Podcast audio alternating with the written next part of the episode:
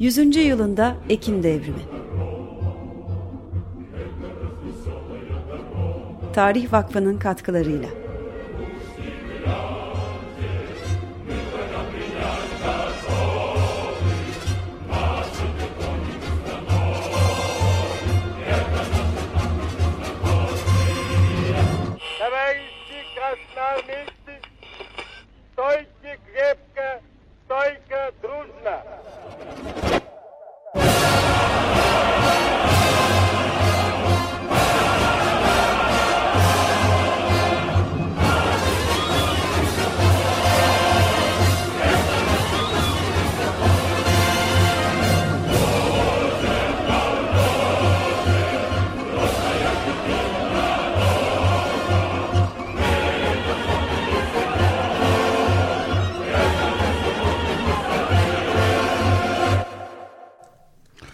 geldin Doğan. Merhabalar, hoş bulduk. Hoş geldiniz. Merhabalar. Bugün ne konuşuyoruz Ekim devriminde?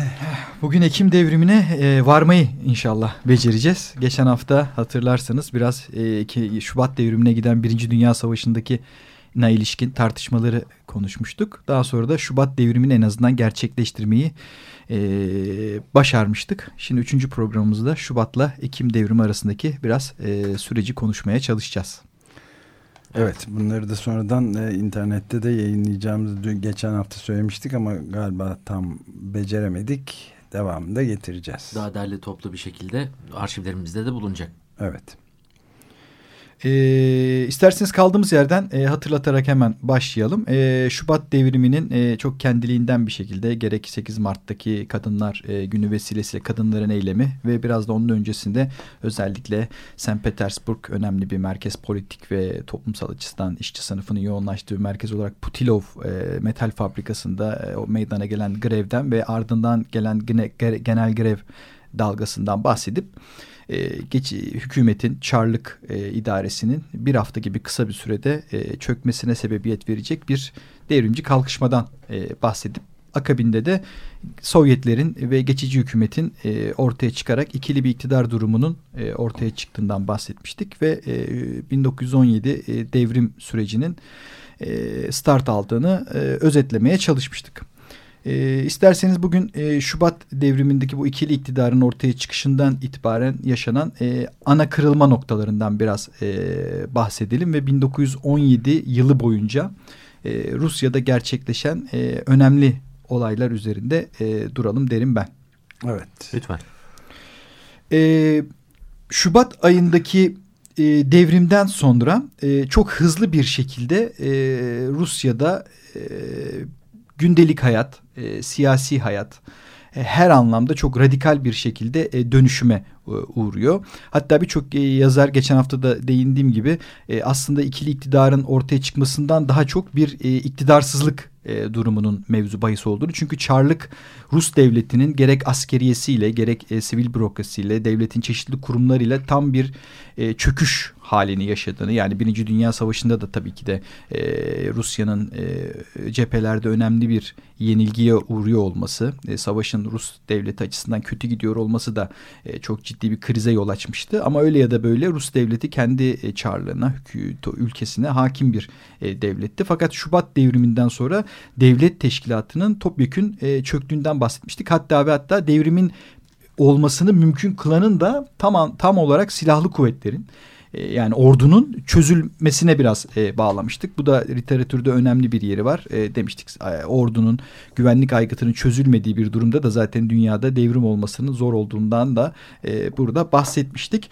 E, ki zaten e, Mart'ın hemen başında e, ilk Sovyetlerin önemli kararında e, asker ve savaşın durumuyla ilgili olduğunu da söylemiştik. Evet. Orada e, çünkü Şubat'tan sonra Rusya'da e, genel e, durum çok ciddi bir Sovyet salgınının ortaya çıkması. Yani iktidarın ortadan kalkmasıyla birlikte e, aşağı sınıfların özellikle köylülerin ve işçi sınıfının çok farklı e, taban ve öz yönetim örgütlülüklerinin, girişimlerinin yaygınlık kazandığını hatta bunun bir salgın olarak e, tanımlandığından e, bahsetmiştik. E, mahallelerde, fabrikalarda, köylerde, taşrada, kent merkezlerinde çok çeşitli amaçlarla e, komiteler, Sovyetler, e, kurullar, konseyler kurulduğunu ve insanların e, kendi hayatlarını kendilerinin yönetme iradesiyle e, ortaya çıktıklarını e, görüyoruz. Ne gibi kararlar alınıyordu bu tip organizasyonlarda? E, çok çeşitli. Mesela fabrika komiteleri en önemli örgütlerden bir tanesi ki Haziran'da bütün Rusya çapında genel bir kongrelerini toplayacaklar. Örneğin e, fabrikalarda üretim sürecinde işçilerin denetimi. Tabii burada hemen aklımıza Şubat'ın ilk başlarında Mart aylarında bir hani işçilerin komünizmi kurmak sosyalizmi inşa etmek amacıyla komiteler kurarak hani e, o günden sosyalizmi inşa etmek gibi bir girişimde bulunduklarını söylemek çok mümkün değil. E, işçi kontrolü aslında yine kendiliğinden bir talep olarak çıkıyor. Her ne kadar çok önemli siyasi partiler de olsa. Neyi amaçlıyorlar? O kriz günlerinde, devrim günlerinde mesela üretim sekteye uğramasın, işlerini kaybetmesinler. Fabrikanın güvenliğini sağlamak, fabrikanın güvenliğini e, biraz e, çelişkili olarak e, sokakta yaşanan çatışmalı hayattan korumak ama aynı zamanda işverenden de korumak. Yani fabrikanın sahibinden de korumak. Yani e, üretimin bir şekilde sekteye uğramaması. Bundan tutun bu yavaş yavaş daha radikalleşerek, sosyalistleşerek ve süreç içerisinde bolşevikleşecek bir e, talep haline gelecek işçi denetimi ve fabrikaların konseyi, e, komiteleri. E, e, bu tür e, amaçlarla kuruluyor. Mahallelerde Sovyetler kuruluyor. Sadece merkezi bir Sovyet yok Petrograd'da ve diğer şehirlerde. E, çok çeşitli amaçlarda o mahallenin mesela güvenliğini sağlamak için e, o mahalledeki gündelik ihtiyaçları sağlamak. Çünkü devlet teşkilatının çöktüğünden bahsetmiştik. İnsanlar kendi hayatlarının idaresini ve idamesini kendi ellerine alıyorlar. E, ve böylece her amaçla komite ve konsey kurmaya başlıyorlar ve bunları doğrudan taban örgütlenmeli olarak e, hayata geçiriyorlar ve bu taban örgütlenmelerinde doğrudan yüz yüze ilişkilerle kararlar almaya başlıyorlar. Evet yani belki ileriki programlarda sonraki programlarda konuşuruz ama bu organizasyonların çözülmesi gibi bir süreçten geçiyor mu Sovyetler Birliği ya da bu Hı -hı. çözülmesi hangi yıllara tekabül Daha ediyor? bir Sovyetler Birliği zaten bu devrim Kurulu. günlerinde yok. Ee, yok. Sovyetler Birliği'nin ve Sovyetler Birliği olarak bildiğimiz rejim ve e, toplumun kurumları daha çok Ekim devriminden sonra inşa edilecek. Şimdi biz Şubat ertesinde Ekim'e kadar e, bu Sovyet salgını içerisinde taban örgütlenmelerin yaygınlık kazandığı hı hı. ve genel süreci onların tayin ettiği bir durumdan bahsediyoruz. Şu anda Rusya'da Şubat devriminden sonra e, örgütlü sosyalist hareketlerin duruma hakim olmadıkları bir e, dönem içerisindeyiz. Yavaş yavaş zaten bu siyasi partilerin de sürgünde olan liderleri yavaş yavaş Rusya'ya gelecekler. Bu açıdan en önemli ay Nisan ayı. E, gerek Sibirya'da Rusya'nın içerisinde sürgünde olan liderler var. Bolşeviklerden Stalin ve Kamenev gibi örneğin. E, Lenin de biliyorsunuz İsviçre'de e, o zamanlarda e, Nisan ayında gelecek. Şimdi Nisan ayı e, Rus devrim tarihi içerisinde çok önemli bir yere sahip. iki nedenden dolayı. E, bir e, devrim süresi içerisindeki toplumsal taleplerin e, ne boyutta olduğunu göstermesi açısından. Neden? Çünkü e, geçici hükümetin başında kadetler var, liberaller var. Onlar e, Çarlık Rusyası'nın e, konumunu, Birinci Dünya Savaşı'ndaki konumunu devam ettirmek istiyorlar. Çünkü Sovyetlerde e, merkezileşmiş iktidar barış istiyor.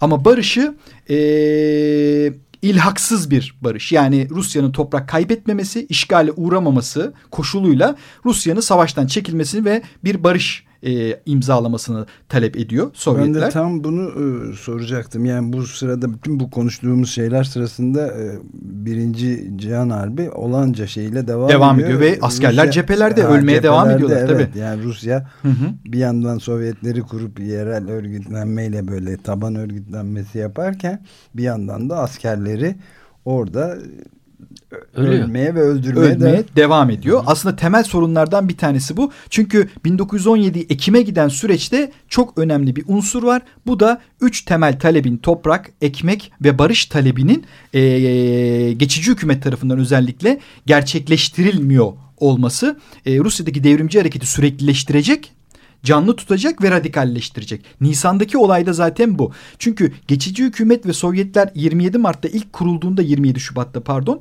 e, Sovyet Sovyet e, kurulu ilk şu kararı alacak. Herkes işine gücüne dönsün. Devam etsin. Ama insanlar işine gücüne tam zaten evet, dönmemek ve devam ettirmemek için zaten Şubat devrimini gerçekleştirmişlerdi. Bundan dolayı çok büyük tepki bulacak ve Sovyet top, ilk Sovyet toplantısı askerlerce basılarak e, belki belki de zorla e, bir barış ve e, askerlerin kendi kurdukları komitelerin tanınması kararını aldıracak. Bu da e, var olan e, kendi pozisyonlarını devam ettiren elbette ki generaller açısından çok ciddi bir tepkiye yol açacak. Çünkü diyecekler ki bu komiteleri biz tanırsak askerlerin tabanda bu askerlik olmaz bunun adı. Evet. Bu ordu olmaz. Askerler de kuruyorlar kendilerine Emir komuta Tabii. zinciri evet, dağılır. dağılır. Çünkü bunlar ne aynı zamanda cephelerde kuruluyor veya şehirlerdeki cephe gerisindeki garnizonlarda kuruluyor. Bu çok ciddi bir demokratik talep ve bu gerçekleştiriyor ve zaten Sovyetlerin de ilk bir nol bildirgesi tam da bu talep üzerine çıkıyor. Yani savaşla ilgili çünkü barış en yakıcı problem. İşte Nisan ayında bu geçici hükümetin en önemli e, insanı olan Milyokov e, Dışişleri Bakanı ki kadetlerin o zamanki en önemli liberallerin lideri. O diyor ki e, basına verdiği demeçlerde ilhaksız barış, işgalsiz barış, bir kazanım olmadan barış bir Alman komplosudur. E, Alman ajanları tarafından Rusya'ya e, zorlanmaktadır. Bundan dolayı biz e, boğazları alacak şekilde yani İstanbul'un e, fethi gerçekleştirilecek şekilde Rusya'nın savaşa devam etmesini e, istiyoruz gibi bir beyanat veriyor. Bu, bu çok ciddi bir krize yol açıyor. Sovyetlerle geçici hükümet arasındaki ilişkileri bozuyor e, ve çok ciddi sokak gösterilerine yol açıyor. Şöyle hem e, Milyokov'u destekleyen orta sınıflar ve üst sınıflar sokaklara dökülüyorlar. Par, e, pankartlarla yürüyorlar. E, Milyokov'u destekliyorlar. E, onun dışında onun karşısında da işçi sınıfı özellikle örgütlükler ve askerler e, sokakta gösteriler yapıyorlar ve sonun sonunda Nisan ayında Milyokov istifa etmek zorunda kalıyor ve e, kadetlerin soluyla e, Sovyetlerin sağı e, masaya oturarak bir e, uzlaşmaya e, varıyorlar ve Sovyetlerden e, bir önceki top, şeyde programda söylemiştik. Kerenski vardı. Hem Sovyetlerde bakan e, bakandı koltuğu vardı hem geçici hükümette.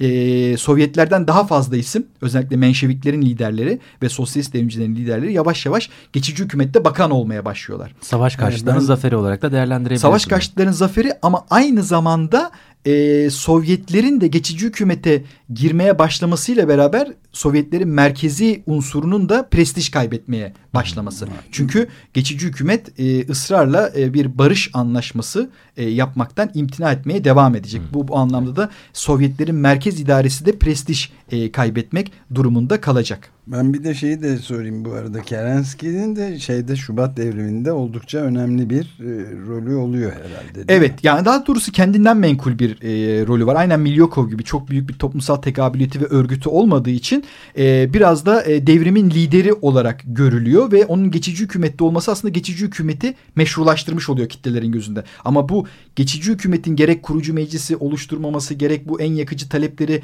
e, gerçekleştirmiyor veya bunun için adım atmıyor olması veya bunları devamlı erteliyor olması e, taban örgütlenme ortaya çıkmakta olan taban örgütlenmede çok ciddi bir kitlesel tepkiye e, yol açacak ve en sonunda e, Milyokov'un istifasına yol açıp Sovyetlerden bakanların geçici hükümet girmesine sebep olacak bir krize yol açıyor. Nisan ayındaki bu kriz geçici hükümetin biraz daha sosyalistleşmesine yol açacak ama sosyalistleşirken de Sovyetlerin de aynı zamanda sağcılaşmasına sebebiyet verecek. Bu Bolşeviklerin önünü açan, daha radikal tutum alınmasını isteyen ve taban örgütlenmelerine referansta bulunan e, kesimlerin e, daha fazla taraftar bulmasına yol açacak. Nisan birinci açıdan bundan önemli. İkinci önemli noktada Lenin'in e, Nisan ayında gelmesi ve tam bu kriz esnasında e, tüm iktidar Sovyetlere geçici hükümetle her türlü uzlaşıya karşıyız.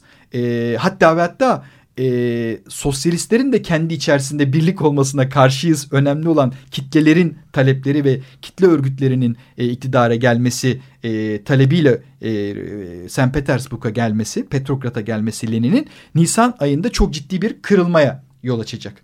Bundan sonra e, özellikle e, Sovyetlerdeki dinamiğin daha ön plana e, çıktığını e, göreceğiz. Yani Nisan ayında bundan dolayı önemli bir kırılma olacak. Diğer bir kırılma noktası da Temmuz ayında gerçekleşecek. Temmuz günleri olarak bilinir. Temmuz günleri de yine e, bu siyasi örgütlerden bağımsız e, olarak bir şekilde kendiliğinden bir şekilde patlayan bir kitle ayaklanması. Şubattan sonra gerçekleşen büyük bir e, sokak eylemliliği. E, burada niye insanlar e, Şubat devrimi olmuş tekrar niye bir ayaklanma gerçekleştiriyorlar? Tam da demin dediğimiz e, durumdan dolayı e, Milyokov istifa etmek zorunda kalmış. E, kadetlerle e, geçici hükümete giren Menşevikler özellikle anlaşmışlar. Bir ilhaksız, işgalsiz bir barış anlaşması yapılmasına dair. Fakat hala savaş devam ediyor savaştan çekilmeye dair bir karar yok. Ve hatta ve hatta Mayıs'ta e, Mayıs'tan sonra Haziran ayında bir karşı saldırıya başlamış Rus ordusu. merkezde böyle bir barış talebi varken.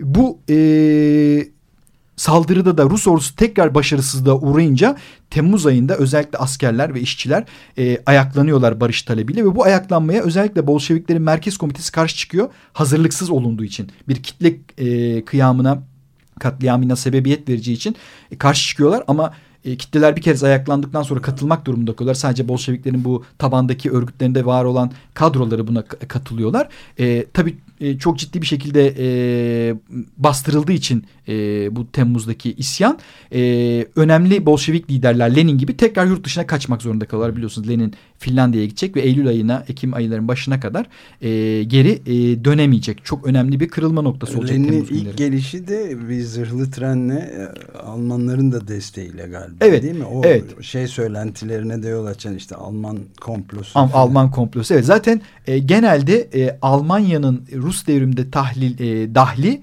e, genelde bu komplovari açıklamalarda çok sık kullanılır ve her kesim tarafından kullanılır. Yani Bolşevikler de karşıtlarına e, veya işte liberaller karşıtlarına, geçici hükümet Sovyetlere, Sovyetler geçici hükümete Alman ajanı olmakla suçlarlar. Savaşta Almanya ile çok ciddi bir şekilde bir savaş yürütüldüğü için Lenin'in bu şekilde gelmesi de e, literatürde e, Lenin'in aslında bir e, Alman ajanı olduğunu veya Ekim e, ayak işte devriminin bir darbe olup olmadığına ilişkin tartışmalarda evet. çok ciddi bir e, yeri vardır. E, ve üstüne de bayağı bir külliyat vardır yazılan çizilen.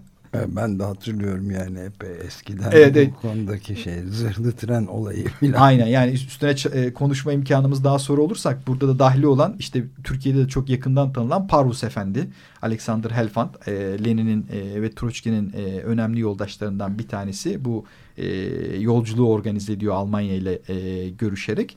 E, onun üzerine de belki konuşuruz.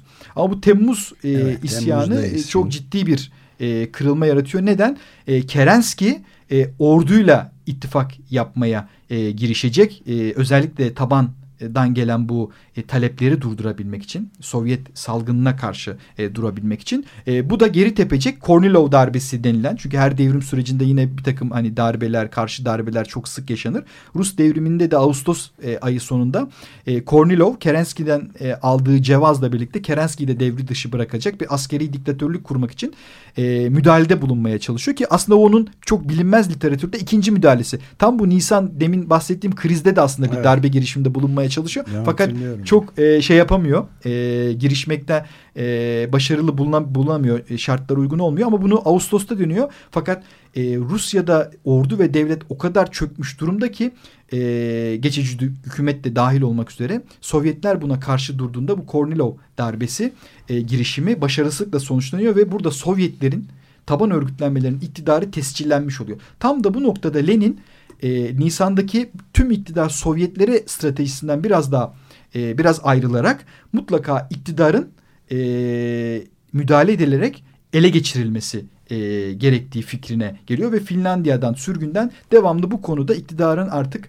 zor yoluyla silahlı bir şekilde ele alınmasına dair talebini dile getirmeye çalışıyor. Fakat e, var olan Bolşevik örgütlenmesi ve Merkez Komitesi bunu görmezden geliyor. Bunu çok a, absürt bir fikir olarak e, görüyorlar ve Lenin'in mektuplarını ve yazılarını, fikirlerini kendi basınında bile paylaşmıyorlar. Bu şundan açısından önemli. Hani literatürde çok şey vardır.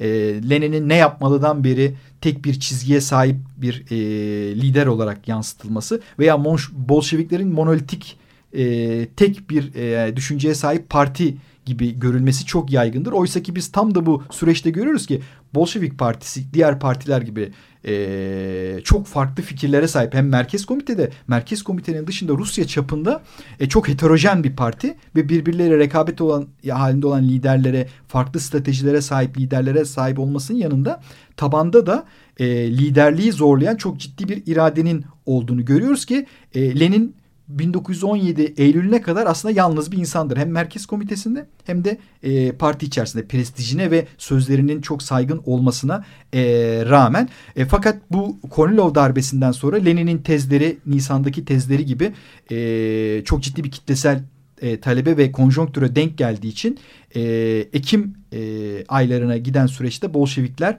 e, gerçekten iktidara e, el koyma noktasında e, ciddi girişimlerde bulunacak ve Ekim e, devriminde de aslında Şubat devrimiyle karşılaştırıldığında çok daha dar operasyonel bir e, hamleyle iktidarı e, alacaklar. Tabi bu bu darbe e, tartışmalarında çok önemli bir yeri vardır.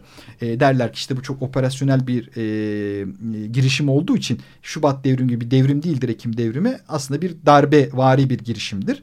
E, bu çok doğru değil çünkü Ekim devrimi o kadar kansız ve e, basit bir girişimle Kışlık Sarayı'nın fethi e, mevzu bahistir ki e, çünkü zaten öyle bir iktidar yoktur. Yani geçici hükümet Kışlık Sarayı dördüncü e, binasıdır yeridir. Yani kendine e, Petrograd'da yer bile bulamamıştır. O kadar iktidarsızdır. E, Oysa ki iktidar tamamen aşağıdan e, zorlayan Sovyetlerdedir ve oradan gelen taleptedir. Bundan dolayı çok basit olmuştur Ekim'de devrim gerçekleşmesi ve genelde e, Rus devrim tarihindeki revizyonist ekol e, Ekim devrimini zaten tabanda gerçekleştirilmiş olan devrimin e, siyasi Normalde bir veçesi olarak e, uzantısı evet. olarak almışlar Peki, ve Ekim'de şey, bu gerçekleşti. Lenin e, Finlandiya'dan ne zaman dönüyor? E, Eylül e, ayının içerisinde e, dönüyor ve kademeli olarak e, dönüyor. Çünkü e, görüşlerinin çok fazla taraftar bulmadı veya yansıtılmadığını gördüğünde e, gizli bir şekilde e, Petrograd'a e, geliyor. İlk önce en ünlü mahallesi e, Petrograd'ın devrimin merkezi sayılabilecek Viborg e, Kuzeydoğu mahallesine geliyor. Viborg mahallesine. işçi sınıfın en örgütlü olduğu mahalleye. Oradan da e, bir e, Ekim devriminin gerçekleştiği sırada merkeze gelecek Simolini Enstitüsü'ne e, karargahını kurarak Ekim devrimini e, gerçekleştirecek. Petrograd, St. Petersburg. St. Petersburg o da ilginçtir. Petrograd biliyorsunuz Birinci Dünya Savaşı'nda e, Rus çarının bir milliyetçi e, hava oluşturmak için şehrin adını değiştiriyor. Çünkü Petersburg Alman e, tandanslı bir isim biliyorsunuz. Burg e, kelimesinden dolayı. Onu Ruslaştırıyor aslında Grad evet. şeyini. Bunu tek tanımayan kim? Bolşevikler. Bolşevikler bu milliyetçi e, girişime karşı devrim boyunca da e, kendi e, Petrograd Komitesi'nin adını St. Petersburg Komitesi olarak o, devam ettiriyorlar. Ama sonra da Leningrad, Leningrad yapacaklar kendileri de tabii yani. evet, bunlar tarihin ironileri tabii. evet, evet. evet geldik şeye kadar yani e, Ekip, Çok hızlıca gelmiş oldu evet, tabii. Hızlıca ama yani bence e, dinleyicilerin de kafasında net bir şey evet, bir harita oluşturması harita açısından. oluşturması açısından iyi oldu.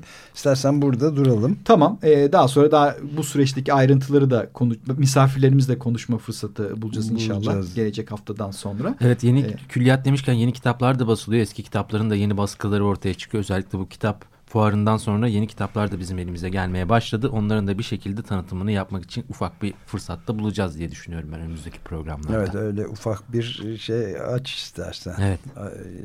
Doğan'ın da izniyle. Devrim kitaplığı. Nasıl Devrim kitaplığı? Güzel.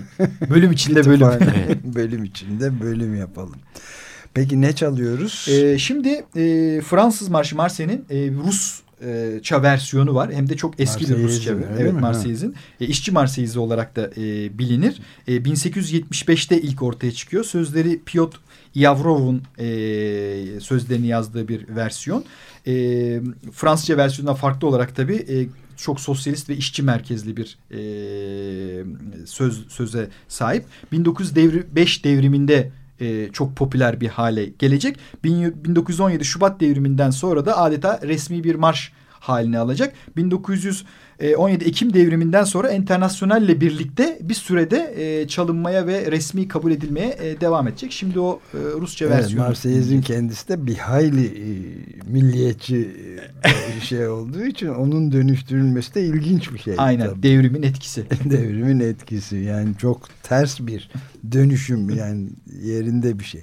Peki çok teşekkür ederiz. Onunla da bitiriyoruz o zaman. Ee, biz de e, ayrılışımızı yapalım. Vedamızı yapalım. Ben Deniz Ömer Madra, Can Tombil ve Selahattin Çolak'tan oluşan ekiple birlikteydiniz. Emre Gümüşer de bizi desteklemekteydi her zaman olduğu gibi. Bizi dinlediğiniz için teşekkürler. Hepinize günaydın. Günaydın. Günaydın.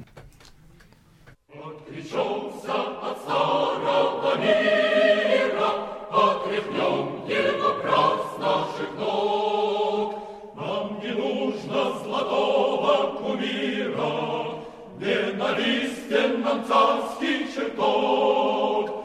Царю нужный для войска солдаты, Отдавайте ему сыновей.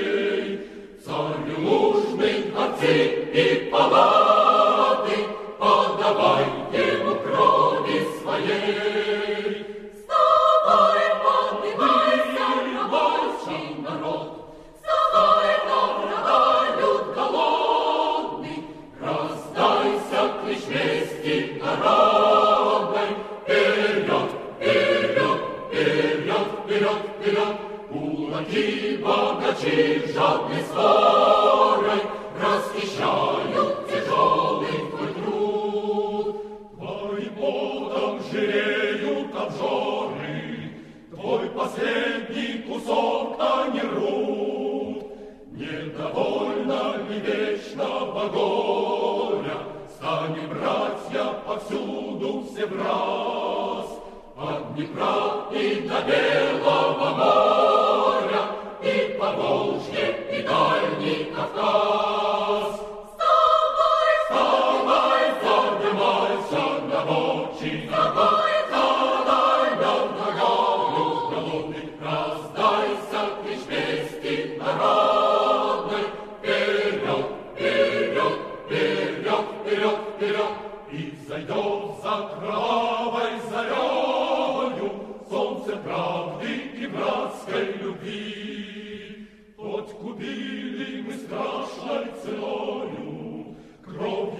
Кровью нашей счастье земли, И настанет година свободы За эпохой кровавой борьбы.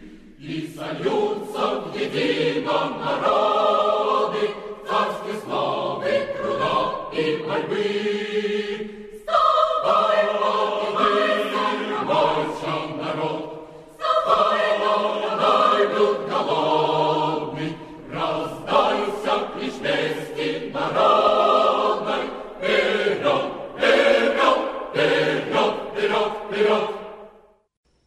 Radyo program destekçisi olun.